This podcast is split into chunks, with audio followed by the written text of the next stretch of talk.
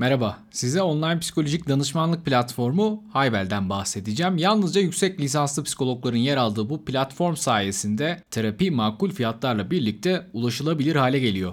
Terapi süreci hakkında sorular sorabileceğiniz ve uzman psikoloğunuz ile tanışabileceğiniz 15 dakikalık ücretsiz bir video ön görüşme yapma şansına da sahipsiniz. Daha sonra terapi sürecine başlamak isterseniz mobil uygulama ya da internet sitesi üzerinden 50 dakikalık video görüşmeler yapabiliyorsunuz. Açıklamalardaki linke tıklayarak Hayvel'e ulaşabilirsiniz. Ayrıca PS10 koduyla bir hafta geçerli olacak bir indirim koduna da sahip olabilirsiniz. Merhaba herkese. Cengiz ben. Duvarın Erden'e hoş geldiniz. Yanımda Doktor İbrahim Aylak da var. İbrahim hoş geldin. Hoş bulduk Cengiz. Bugün İbrahim'le beraber belki de birkaç yıldır konuşmayı planladığımız konulardan birisi olan narsisizm üzerine konuşacağız. Söylemesi biraz zor, anlatması da bir o kadar zor. Bir konu hakkında konuşacağız. Elbette narsisizm deyince insanların hakkında kişilik, kişilik patolojileri, ilişkiler pek çok şey geliyor. Ee, yine bunlara da değineceğiz. Aslında belki bu bir seri de olabilir. Bunun içerisindeki ilk bölümü de dinliyor olabilirsiniz. Kişilik patolojisi kısmını biraz daha geri plana alacağız. Yani narsizmin genel böyle bir kavramsallaştırması üzerine konuşacağız. Aslında bu konuyu konuşurken de hikaye şuradan çıktı. Yani bu narsisizm hani dünün meselesi miydi, bugünün mü ya da niye bugün bu kadar popüler oldu? Biraz bunun üzerine de konuşacağız. Çünkü birçok yerde narsist, egoist insan bu tarz kavramlar görüyoruz ve bu hikaye bir taraftan eski bir taraftan da yeni. Özellikle Freud'un belki de kavramsallaştırması bağlamında da konuşurken bunun altını çizeceğiz. O yüzden hani İbrahim'e bir sorayım. Yani narsisizm bugün neden popüler ve e, aslında psikoloji literatüründe yine psikiyatri ve psikanaliz literatürü içerisindeki çıkışı nasıl oldu? Hangi olaylar etkisinde ortaya çıktı? Teşekkür ederim Cengiz. Yani aslında senin de dediğin gibi bir kere genel psikoloji, psikiyatri literatüründe bir kavram kargaşası var. Bu sadece narsizmle sınırlı da değil. Yani işte ego, egoizm vesaire gibi kavramlarda da çok karışıklık var.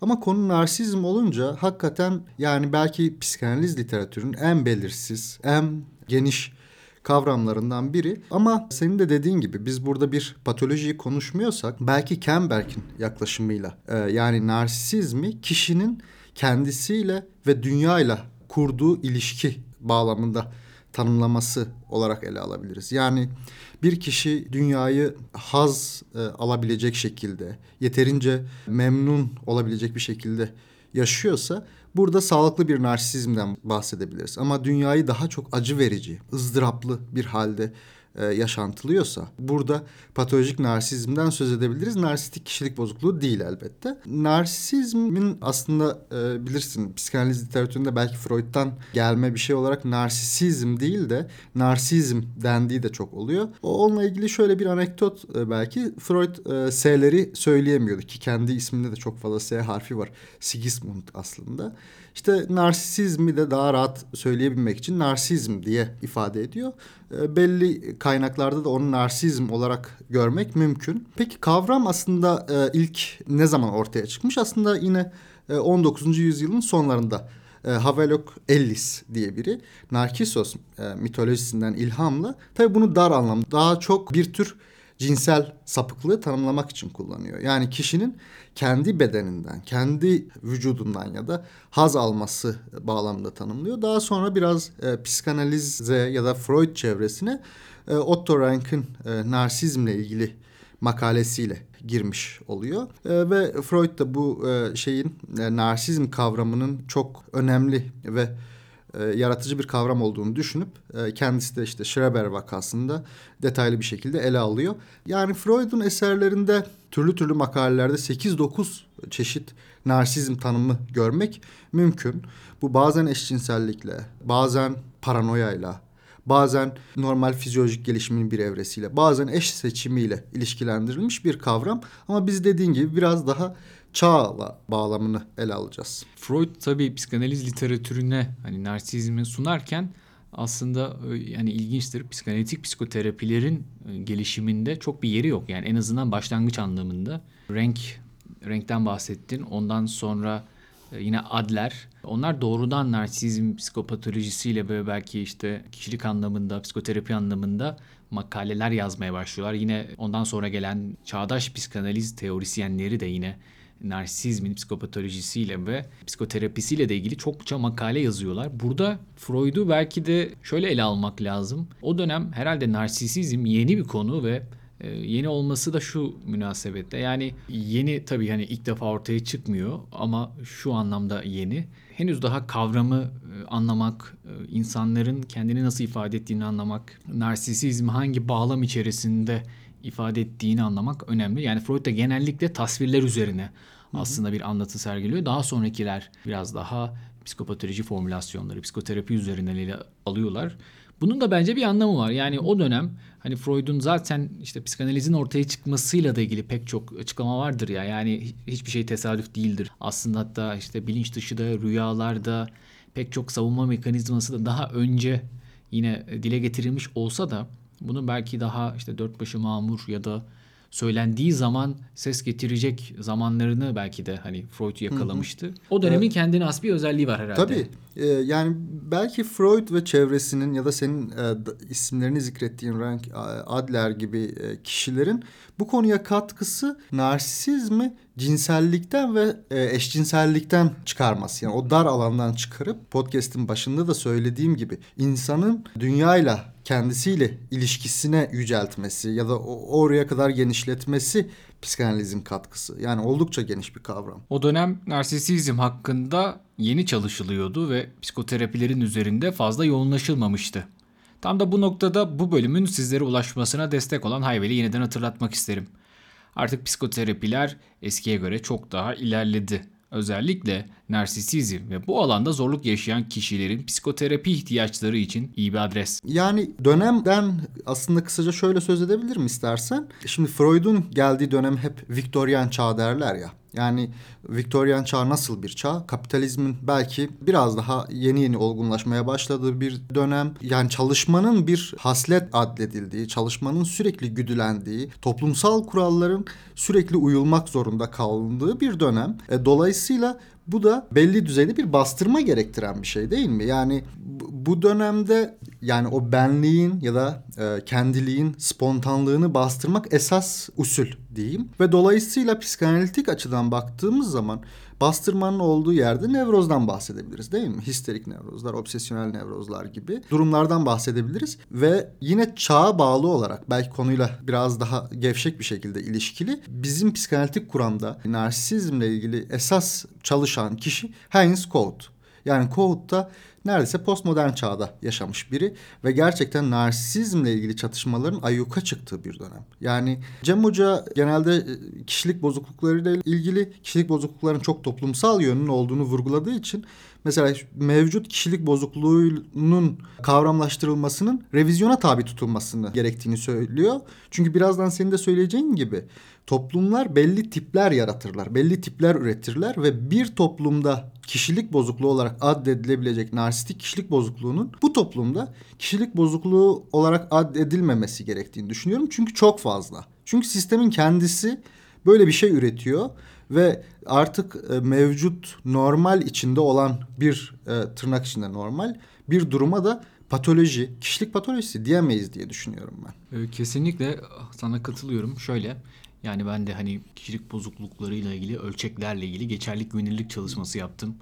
E, gerçekten Türkçe'yi çevirmek de hayli zor. Çünkü bir başka kültür için yani doğrudan e, narsisizmi vurgulayan, narsistik kişilik özelliklerini vurgulayan bir özellik e, sizin için çok anlamsız da olabiliyor ya da herkesin evet bu bende de var diye üstüne atladığı bir şey de olabiliyor. Yani bunu tabii bunu söylüyoruz böyle çok üstenci bir bakışla ya sanki işte tabii ki kültürden kültüre farklıdır yani bunu bir sen mi biliyorsun? Geçen böyle bir tweet attım şey diyor birisi.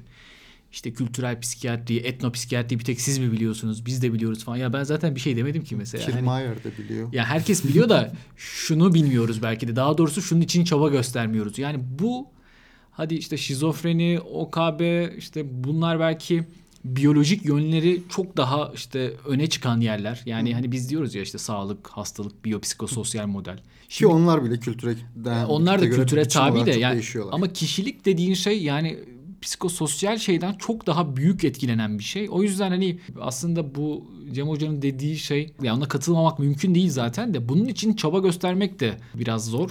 Ya bir da insanlar ay- çekiniyor bu çabadan çünkü çok zor bir iş. Bir de ayrım şurada Cengiz sanki. Yani mesela bir kültürün e, şizofreninin sanrılarını etkilemesi başka bir şey. Bir kültürün doğrudan patoloji için kurucu olması ayrı bir şey. Yani bugün belki kapitalizmin narsizmi oluşturduğunu, narsizme yol açtığından söz edeceğiz. Ama şizofrenideki durum bu değil. Şizofrenideki durum işte Hristiyan biri kendini İsa zannedebilir. Ne bileyim Budist biri Buda zannedebilir gibi daha içerikle ilgili değişiklikler.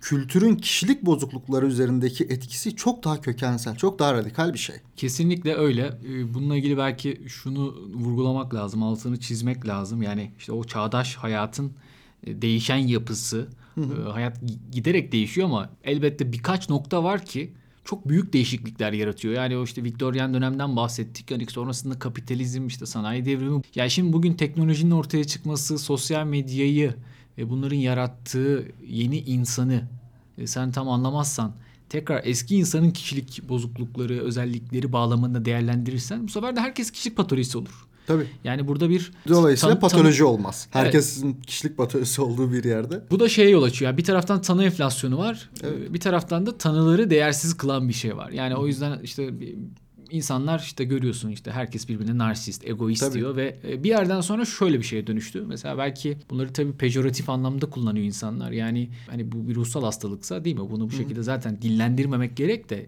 bunun yol açtığı diğer şey şu. Yani artık o kadar anlamsız ki yani hani sen bir doktor olarak söylediğinde bir başkası da zaten hani ona işte narsist demiş falan oluyor. Yani o yüzden Tabii. işi de anlamsız kılan, değersizleştiren bir şey. Hani biri de çıkıp diyebilir ki bu sizin dinamiklerinizle alakalı. Siz kendiniz öyle hissettiğiniz için öyledir de diyebilir. Değil mi? Psikiyatristlerin içinde çok fazla. Yani karşıdaki kişiyle normal toplumda da pazla ama sanki psikiyatristlerde daha fazla. Karşıdaki kişiyle tartışıyor, konuşuyor. Sonra işte bir düşün bakalım sen ne için böyle düşünüyorsun? Acaba seninle ilgili olabilir mi? Senin karakterinle ilgili olabilir mi? Yani tartışmadan kişilik patolojisi ya da teşhis koymak gülünç ya da karikatür gibi bir şey bence. Dünyanın en şey cümlesidir. Yani en çocuksu aktarım cümlesidir. bu düşündüklerin senin dinamiklerinle alakalı olabilir evet, mi diye. Evet. Her neyse yani bu açıkçası kültürle çok ilişkili bir şey. Yani bununla da ilgili şöyle bir belki e, sosyolojiden birkaç örnek vermek gerekirse. Ben bu konuda e, vermeden önce Kazım Hoca'nın aslında söylediği güzel bir şey vardı. Yani arkadaşlarınızı ya da tanıdıklarınızı teşhis koymayın. Eğer kendisinin böyle bir talebi yoksa zaten halt etmişsinizdir. Ama zaten arkadaşa e, ya da işte tanıdığa bir muayene ortamında olmadığı için de tamamen e, alakasız densizlik oluyor teşhis koymak yani. Buradan bir sosyal medya mesajı verebiliriz yani. Evet. Birbirinize teşhis koymayın yani. Hakaret edin daha iyi düşünüyorum yani. Peki yani şeye gelirsek işte bu değişen dünya işte tanılar onların nasıl değiştiği ile ilgili. Alexis de Tocqueville kendisi mesela bir Fransız aristokrat ailesinde yetişmiş sosyal teorisyen. O dönem işte bu Viktoryen dönemden işte kapitalizmin ortaya çıkmasından aristokrasinin biraz geriye gitmesi işte demokrasinin yükselmesiyle ilgili bir rüzgarın olduğu dönemde mesela Amerika kültürünü incelemek için Amerika'ya gidiyor ve aslında hani bugünkü o narsisizm formülasyonlarında kavramsallaştırmasında belki en büyük pay belki de Amerika'da. Amerika'daki insanların yaşamlarının bizim üzerimizdeki tesirleriyle ya da herkesin bir Amerikanlaştırma çabası üzerinden ilerleyen bir süreç var. Mesela orada da şey ilgisini çekiyor. Bu insanlar narsistik kendine dönüklük ortamlarında yaşıyorlar ve bir takım ihtiyaçlarını kendileri karşılama peşinde gidiyor ve Amerikan demokrasisini işte Avrupa'daki diğer demokrasi benzeri formlarla kıyaslıyor. Mesela orada şunun altını çiziyor. Bu insanlar sınıfsız bir toplumda yaşıyorlar ve statüler görünmez. Yani bir eşitlik ortamı var. Hani bu kulağa belki şey çağrışımlar yapıyor. İşte ne güzel işte eşitlik var, işte şey var. Ama bir taraftan da aslında bu statülerin görünmezliğini şöyle açıklıyor. Yani insanlar eski zamanlardaki gibi işte kazandıkları parayla korele bir statüye sahip olamıyorlar. Çok kazanan daha yüksek statüde, az kazanan daha yüksek statüde değil. Çok kazanan işte ne kadar kazandığını belli edecek bir düzlemde yaşamıyor. İnsanlar genelde aşağı yukarı birbirine benzer hayatlar yaşıyor. Hani bir taraftan eşitliği böyle öven, kutsallaştıran bir tarafı var anlatısında. Bir taraftan da bunun aslında bir yem olduğunu, böyle bir silah olduğunu, hani işte Amerikan demokrasisini Amerika'yı güçlendirmek adına bir silah olduğunu söylüyor. Çünkü aslında bu da bir ihtiyaçtan ortaya çıkıyor. Yani insanlar mesela işte görece daha az ücret kazandıkları bir işte çalıştıklarında ya da işte zengin olduğunda birisi, öteki fakir olduğunda ki bunlar hayatın gerçeği yani bunlar bir hastalık bir tanı değil. Bazı insanların durumu daha iyidir, bazılarınki daha kötüdür. Eskiden belki bununla ilgili bir şeyleri vardı. Yani evet işte aristokrasi geleneği, işte bazı insanlar aşağıdadır, bazıları yukarıdadır. Buna belki şey yapıyorlardı. Nasıl diyeyim bir alışkanlık kazanmışlardı bununla ilgili. Ama Amerikan demokrasisi ne yaptı? Hepimiz eşitiz, işte hepimiz yurttaşız ve bunların çok bir önemi yok. Ve bu aslında işte o Amerikan narsisizmini ortaya çıkardı. Ne oldu? İşte genç bir lise öğrencisi garajında kendini milyarder yapacak şeyin peşinden gitti. Hani bu işte senle de konuştuk. Yani olumlu bir tarafı da olabilir. Yani bu narsizmi kötülemek için ya da narsizm kötüdür iyidir gibi yorumda bulunmak için değil. Ama bu belki başlayan o şey hikaye. Herkesin kendi kaderini kendi çizebilme, işte sınıfından, statüsünden bağımsız olma hikayesi bir taraftan da inanılmaz bir rekabet geliştirdi. Çünkü insanlar aslında Tocqueville de böyle söylüyor. Aralarında çok ciddi bir fark olmadıklarını düşündüğünde, bu his geldiğinde bu sefer de fark yaratmak için inanılmaz bir rekabete girdiler.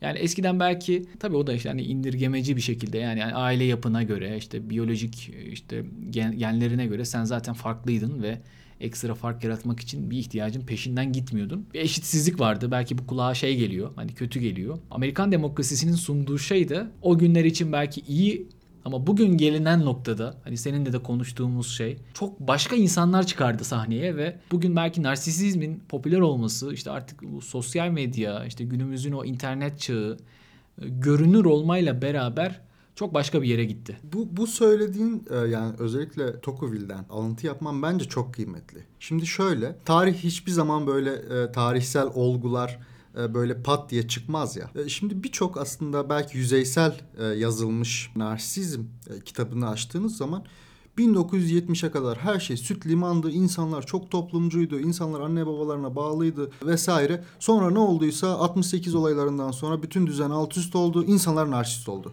Hayır yani bu Tocqueville'den verdiğin örnek aslında bunun tohumunun ta 17-18. yüzyıldan atıldığını söylüyor.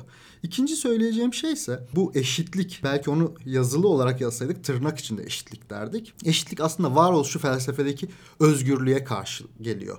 Özgürlük düşündüğümüz zaman e, aslında oldukça olumlu, pozitif yüklü bir kelime değil mi? Ama özgürlüğü bir de şu şekilde düşünün. Dünyada tek başınızasınız. Yaptığınız ve yapamadığınız her şeyden siz sorumlusunuz demek. Bu özgürlük aynı zamanda yine varoluş şu psikoterapi ve felsefeye göre aslında kaygı doğuran bir şey. Bunun yanında sürekli saldırı altında olmayı ya yol açan bir şey. Bu sosyolojinin ele aldığı narsistik kişiliklerin temel özelliklerinden biridir değil mi? Sürekli saldırı altında olma hissi.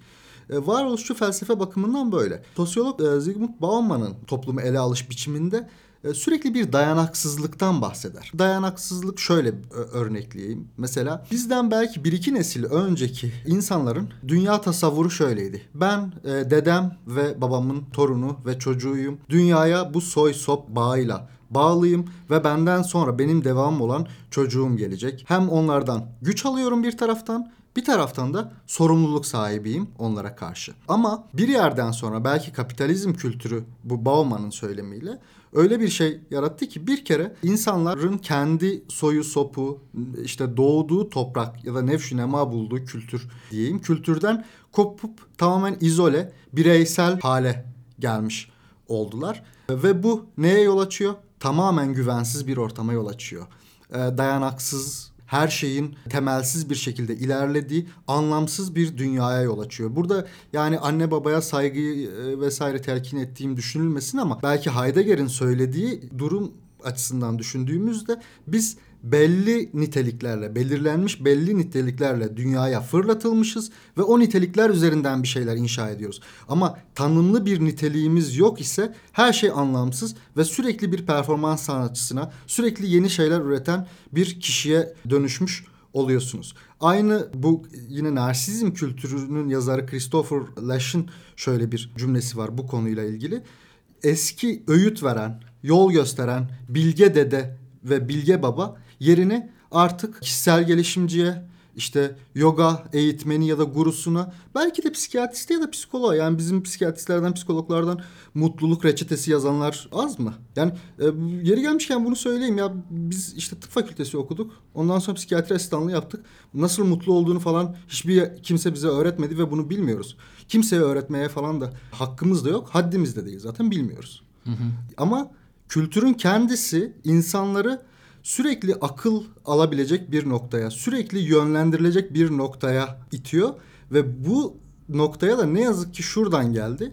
Aslında kendi başına karar veren, özgürleşen insanı yaratmaya çalışırken bu noktaya geldi. Çok enteresan. Son bir şey daha eklersen bu konuya. Şimdi sosyolojide sen bilirsin şimdi bir cemaate, bir topluma ait olmanın verdiği ait olma hissiyle kendi başına karar verme, kendi başına olmanın verdiği özgürlük gerilimi vardır. Yani hem kendini biraz daha yalnız hissetmemek için bir topluma ait hissedersin hem de o toplumun her söylediğini yapmazsın ki senin bir özgür iraden var hissin olacak. Bu her zaman bir gerilimdir. 1920'deki e, İtalya e, işte e, Mussolini dönemindeki kişiler bir topluma aitti ve hepsi aynı şekilde yaşıyorlardı. Orada bir özgürlük arzusu vardı. İkinci Dünya Savaşı'ndan sonra işte Nazilerin, İtalyanların döneminden geçmiş Avrupa'dan sonra bu sefer özgürlük yükseğe çıktı. Özgürlük ön plana çıktı. Bu sefer bir topluma aidiyet yok oldu ve bu da kendi başına belki de narsizm denebilecek fenomeni yarattı. Öyle bir yere geldi ki işte sen yoga gurularından, işte psikiyatristlerden, psikologlardan işte buna bu TED konuşmacılarını ekleyebiliriz. Ivır zıvır işte kişisel gelişimci safsatılarını ekleyebiliriz. Bu safsata diyorum çünkü. Hani o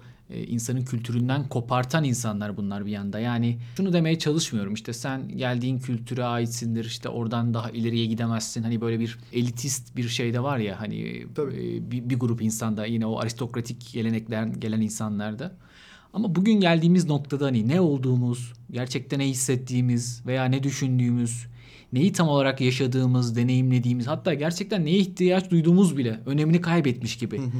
Nasıl göründüğümüz, işte nasıl söylediğimiz, nasıl bir Türkçe ile ifade ettiğimiz, insanların karşısında nasıl çıktığımız, işte elimizde bir mikrofon olduğu, e, bir böyle lazer gösterisi olduğu, slide'a bastı mı böyle animasyonun çıkardığı, insanları senin alkışladığı bir yerde sen artık işte o yine narsizm çağında diyorsun ki evet yani benim ihtiyacım olan bana bir şeyler söylediğinde bana tesir edecek insan bu insan.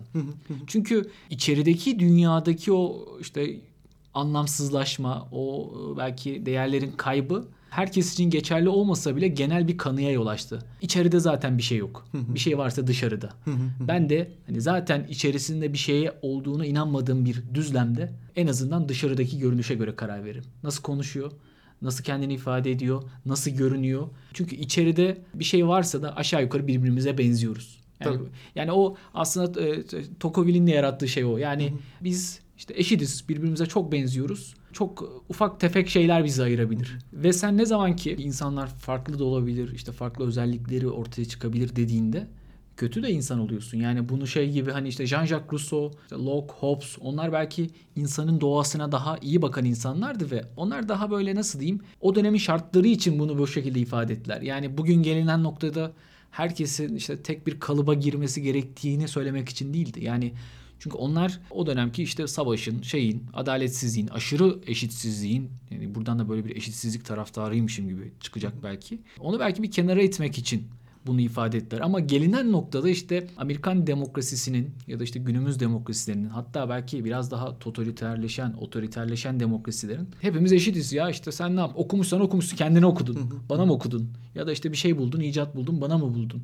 İşte hepimiz aşağı yukarı aynı hayatları yaşamalıyız gibi böyle bir insanların bir taraftan ya da kendini geliştirmeye çalışan insanların bir taraftan ümidini kıran bir taraftan da bunu şey söylüyor. Forster işte bir romanında Leonard Bass diye bir karakteri tanımlarken söylüyor. Fakir diyor. Fakir olduğunu biliyordu. Yani bununla ilgili bir şey yok. Hani inkar etmesi, hayır ben fakir değilim diye bir şey yok. Ama diyor zenginden aşağıda kaldığını açıkça söylemezdi diyor. Bunu söyleyeceğine giderdi hani ölürdü diyor. Hı hı. Yani şunu demeye çalışıyorum. Yani insanların yine bir takım işte narsisizme yönelik işte kendi benlik saygılarına yönelik bir ihtiyacı var. Her zaman var. Bu ihtiyacı kimse ortadan kaldıramaz. Hı hı. İşte bu yaşadığımız çağlar bu ihtiyaçların nasıl karşılanacağına dair e, bir takım böyle farklı varyasyonlar yaratıyor ve biz de şimdi her dönemi aynıymış gibi alırsak evet yani her dönemin insanın böyle bir ihtiyacı olacak. Tabii. Eğer formülasyonu bundan kuruyorsak hani ihtiyacı var. ihtiyacını çok karşılamaya çalışan ya da çok eksik hisseden narsisttir dersek orada bir hata yapabiliriz bu ihtiyaçları nasıl karşılıyoruz? Bu çağda bunların nasıl tezahürleri var? Herhalde bunun üzerine konuşmak Kesinlikle lazım. Kesinlikle öyle. Bu bizim e, seminerlerin birinde Kazım Hoca galiba bizim e, işte asistanlardan ya da rotasyonlardan birinin söylediği hastanın sevilme ihtiyacı var. Sözüne karşı ya kim sevilmeyi istemez? E, ama gerçekten dediğin gibi sevilme ihtiyacını nasıl karşıladığın önemli. Yani narsistik kişilik bozukluğu doğrudan klinik düzeyde klinik e, kişilik bozukluğundan söz edersem karşıdakini tamamen sömürerek onun bütün kaynaklarını yok ederek onu tamamen yok görerek sevilme ihtiyacını karşılıyorsan bu farklı bir şey.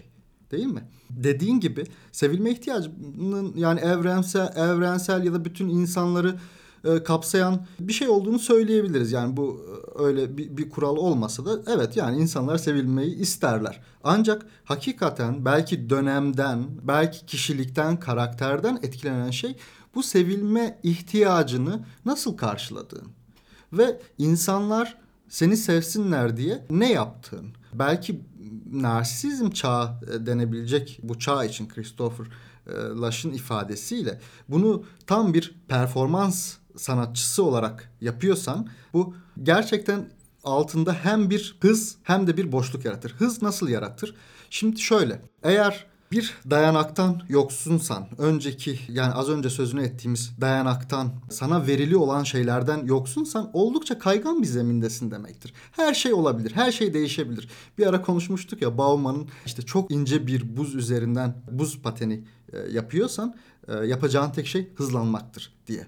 E, şimdi insanlar hayatın, yaşamın hızlılığından söz ediyorlar ya. Hayır aslında mevzu hız değil. Me- mevzu daha çok bir dayanaksızlığın insanların yaptığı, ettikleri arasında bağlantı kuramamamın sebebiyle hızlı görünmesi belki de. Bir de e, aslında kapitalizmden oldukça söz ettik ama mesela erken kapitalizmle günümüz kapitalizm karşılaştırması yapıp belki biraz daha konuyu toparlayıp bitirebiliriz diye düşünüyorum ben de. Şimdi erken kapitalizmde dediğimiz gibi az önce bir Viktoryan dönem vardı ve aslında daha çok olmaması gerekenin varlığından duyulan suçluluk vardı. Aslında bu olumsallık ya da olumsuzluk karşıtlığı gibi şey. Foucault da bunu çok kullanır. Yani ona dekapite iktidar ve olumluluk gibi ya da yaşatan iktidar e, gibi söz ediyor. İşte Viktoryan dönemindeki bir nevroz hastasını düşünelim. İşte duymaması gereken, hissetmemesi gereken hisler taşıyor ve bundan ötürü suçluluk duyuyor.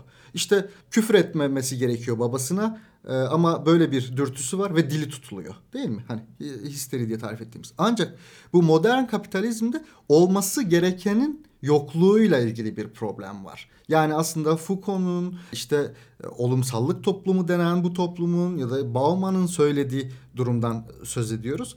Ve olması gerekenin yokluğu eğer kökensel bir şey ise bu hiçbir zaman bitmeyecek değersizlik hissi yaratacak. Düşünsene yani sen ta doğumdan itibaren insan olma özelliğinden ötürü eksiksin. Ve sürekli bu açığı kapatmak istiyorsun. Sürekli o eksikliğini kapatmak istiyorsun. Bir performans sanatçısına dönüşürsün neredeyse. Ha kapitalizm tam olarak bunu istiyor. Sen kendini her zaman eksik hisset ve o eksikliğini dolduracak şeyler yapmaya çalış. Ve bunu da birilerine göstermen gerekiyor. Kendi içinde yaşamanın bir anlamı yok. Yani burada imaj öz ve içeriye öncelik kazanmış gibi bir durum. Dışarıdan nasıl göründüğün önemli. Yani şeyde bile bu böyle değil mi? Bizim para ilişkilerimizde bile böyle değil mi? Şimdi artık zengin kişi işte Ferrari'ye binen villası olan kişi değil. Zengin kişi zenginliğini nasıl gösterebildiği. İşte Instagram'da Hindistan'a gittiğini paylaştın mı? İşte hangi resim sergisine gittiğini, gezdiğini paylaştın mı? Ya da Louvre Müzesi'ne gittiğini bu, vesaire. Bu da çok tehlikeli bir şey yol açıyor. Hani e, bu Tinder avcısı diye film var ya. Hı hı. Yani sen imajı sadece öne çıkarırsan ve imajdan dolayı insanın yani göründüğünden dolayı öyle olduğunu düşünmeye başlarsan bu da taklit edilebilir bir şeye dönüşüyor. Hı hı. E, çünkü senin öyle olman gerekmiyor. Öyleymiş evet. gibi davranma hakkın da var ve sistem de sana zaten diyor ki böyle yapabilirsin. Sen de vicdanını rahatlatıyorsun. Yani benim illa e, zengin gibi yaşamam için zengin olmam gerekmiyor ki. Hı hı hı.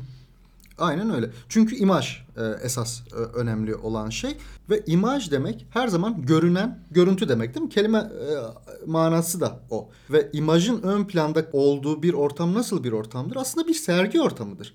Ve bu sergi ortamında da hele sen tek değilsen, kendi imajını dışa vuran tek değilsen başka insanlarla zaten doğrudan dolaysız bir şekilde düşmansın ya da rakipsin. Değil mi? Bir toplum tasavvuru olmaz burada. Tekil tekil birbirlerine karşı imajlarını üstün çıkarmaya çalışan, ötekine diş geçirmeye çalışan yapay bir imaj hali ve bunların savaşı belki de. Şöyle bir şey oluyor ya, yani bunu belki gündelik yaşamdan bir örnekle verirsem hani nasıl tam anlatacağım bilmiyorum ama sen e, şayet malına güvenirsen, ürettiğin şeye güvenirsen, gerçekten bunun için çaba gösterirsen ve bunu satarken işte vicdanen kendini rahat hissedersen yine bir başka rakip geldiğinde senin gibi e, bunun için emek vermiş birisi geldiğinde örneğin işte sen bir baklava ustasısın. Fıstığı en güzel yerden alıyorsun, yağı en güzel yerden alıyorsun, işte hamurunu açıyorsun, işte her şeyi olması gerektiği gibi yapıyorsun. Bir dükkan açıyorsun. Sonra yanına birisi geliyor. O da senin gibi yine özverili şeyli ve sen diyorsun evet işte o da işini yapıyor ve bir şekilde kendini onun hani rakibi görüyorsun ama düşmanca görmüyorsun. Ama sen diyelim ki işte böyle daha üçkağıtçı bir adamsın Hı-hı. ve işte fıstık yerine bezelye koyuyorsun. Hamuru Hı-hı. işte 7 kat değil 2 kat yapıyorsun. Yağını işte uyduruk kullanıyorsun ve biraz daha ucuza satıyorsun ama işte millet geliyor senden Hı-hı. baklavayı alıyor. Ve yanına birisi açıyor mesela. O zaman başka hissediyorsun. Hı-hı. Çünkü diyorsun ki işte ha benim foyam anlaşıldı. Hı hı. İşte o da dükkanı böyle şekil şuku yaptı ve o da benim gibi satacak. Hı hı.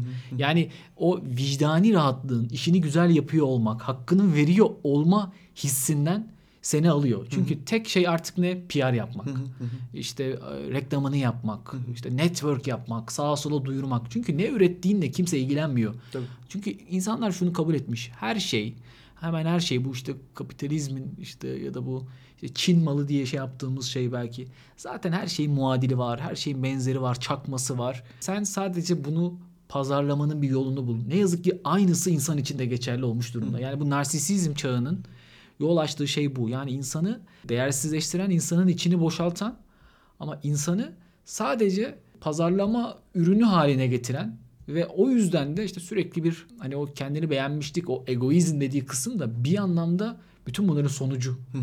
Yani malı beğenmen lazım artık. Yani o malı beğenmezsen e, zaten içinde bir kalite yok. Evet. E sen bu malı nasıl satacaksın ki? Yani e, be- belki baklava örneğinde şey e, denebilir. E, şöyle baklavayı satan kişi baklavanın içinde ne olduğunu bilmiyor. Dış görünüşe sadece e, öncelik verdiği için içinde ne olduğunu bilmiyor ve dolayısıyla her an bir açığı çıkacak gibi bir durum oluyor. Bu aslında şey gibi de yani yine bu dayanaksızlık mevzusuna döneceğiz ama bu gerçekten bir dayanağa sahip olmama, böyle tamamen esnek bir yapıda olma ve tamamen dış görünüşün, imajın önemli olduğu durumla ilgili aslında itirazlar ta 1900'lerin ortasında işte Heidegger tarafından ortaya konmuş ve felsefe üzerine. Şimdi Descartes'in bir felsefe ağacı e, metaforu vardır ya işte felsefe kökleri metafizik, gövdesi fizik, dalları tıp, mekanik ve e, etikten oluşan bir ağaçtır diye söylüyor. Heidegger de buna cevap olarak diyor ki tamam da diyor bu ağaç diyor nerede kök salmıştır? Hangi toprakta kök salmıştır? Belki de modern kapitalizmin e, ya da postmodern dönemin, İkinci Dünya Savaşı sonrası dönemin insana yaptığı en büyük dönüşüm onu köklerinden, dayanaklarından koparmak. Ve bu durumun kendisi de elbette psikiyatri açısından da sosyolojinin typification denen tipleştirme açısından da belli tipler yaratacaktır. Bunun zaten hani Amerika'da çıkması da belki yani bu işte vahşi kapitalizmin yani kapitalizmin hı hı. değil de yine bu işte aşırı işte PR'ın, imajın orada ön plana çıkmasının da şeyi aslında Amerika'nın da çok ciddi köklerinin olmayışı. Tabii Amerika yani yeni şey... kurulan bir ülke, yeni bir heyecan, herkesin hemen hemen sıfırdan başladığı işte ne satarsan kar. Burada çünkü eski bir mal yok, kökü olan bir yer yok. Şimdi Amerika'dan söz ettik, eşitlikten söz ettik. Buradan böyle bir ırkı, anne babayı, işte ne bileyim milliyete dayalı bir devleti sanki salık veriyoruz gibi oldu ama yani böyle anlaşılabilir ama son olarak şunu söylemek istiyorum. Eşitlik farklılıkların olduğu yerde anlamlı. Her şeyi aynılaştırdığın zaman eşitliğin hiçbir anlamı yok. Aslında söz ettiğimiz şey bu tam olarak. Yani bir yerde her şey, herkes aynı ise e, bunların eşit olmasını söylemeye gerek yok. Eşitliğe gerek de yok zaten. Değil mi? Evet. Yani demokrasiyi de sadece e, saf bir eşitliğe indirgemek hatalı.